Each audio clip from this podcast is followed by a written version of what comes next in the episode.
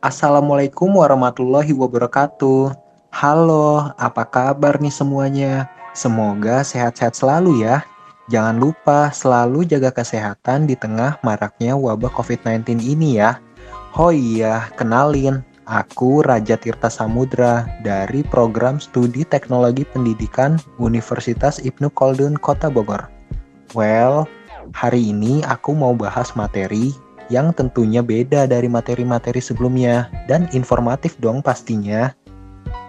Jadi di sini aku ingin mereview materi yang sudah aku diskusikan bersama teman-teman ketika pembelajaran. Menurut sebagian orang, ada yang keberatan menyebut kegiatan instruksional dengan istilah sistem instruksional. Jadi, menurut aku, di antara kegiatan instruksional dan sistem instruksional terdapat pengertian yang berbeda. Kegiatan instruksional diartikan sebagai kegiatan pembelajaran pada peserta yang menghasilkan perubahan perilaku. Sedangkan sistem instruksional memiliki pengertian sebagai suatu komponen yang disusun untuk pengelolaan dan pemakaian proses pembelajaran sehingga menghasilkan proses belajar yang diinginkan. Lalu ada juga sebagian pengguna istilah pembelajaran atau kegiatan instruksional melarang orang menggunakan istilah pengajaran, sehingga istilah pengajaran itu seolah-olah tabu digunakan.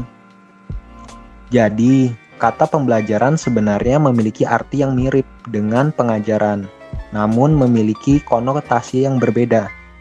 Dalam konteks pendidikan, beberapa orang menganggap bahwa pengajaran hanya memberikan kesan sebagai pekerjaan satu pihak, sedangkan pembelajaran menyiratkan adanya interaksi antara pendidik dan peserta didik.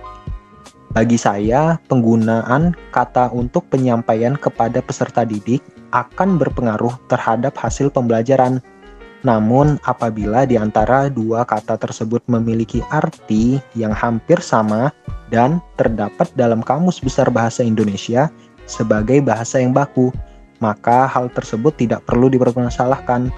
Bagian yang paling penting in ialah interaksi antara pendidik dan peserta didik berjalan lancar.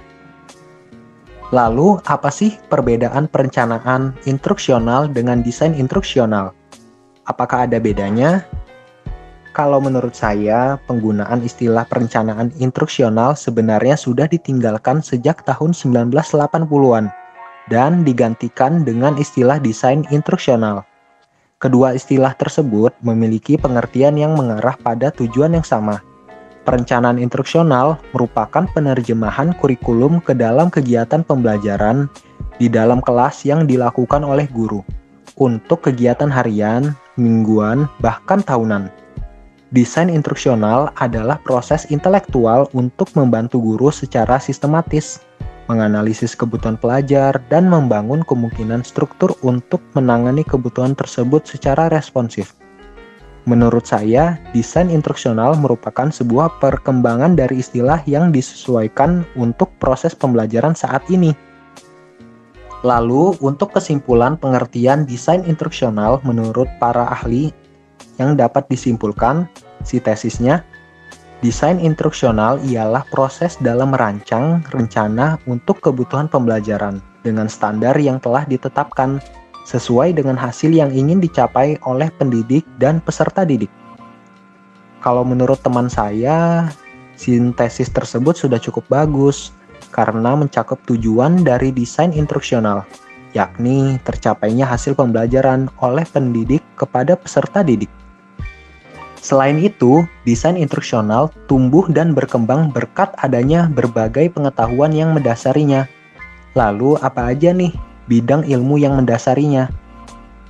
General System Theory Disiplin ilmu ini memberikan pengaruh terhadap desain instruksional dalam membuat arah dan orientasi dari prosedur instruksional. Pengaruh tersebut sangat nyata dalam setiap langkah desain instruksional yang sistematik dan sistematik, serta merefleksikan hubungan berbagai komponen di dalamnya yang ketat dalam berinteraksi dan saling berdekatan. 1. Communication Theory Disiplin ilmu ini berperan dalam memberikan pengaruh terhadap praktik desain instruksional dua bidang ilmu dari dalam. Satu, media teori. Teori ini berperan dalam menentukan teknologi dalam pendidikan dan pelatihan, khususnya peran media dalam proses belajar dan pendistribusian kognisi. Kedua, conditions based theory. Teori ini digunakan untuk menentukan cara identifikasi dan pengembangan ilustrasi dari semua elemen, seperti jenis-jenis hasil belajar yang membutuhkan kegiatan instruksional yang berbeda. Hmm, nggak kerasa ya, sudah selesai aja pembahasan materi tentang desain pembelajaran. Semoga apa yang sudah aku sampaikan bisa bermanfaat buat kalian para pendengar setia aku. Terima kasih buat para pendengar yang sudah meluangkan waktunya. Wassalamualaikum warahmatullahi wabarakatuh.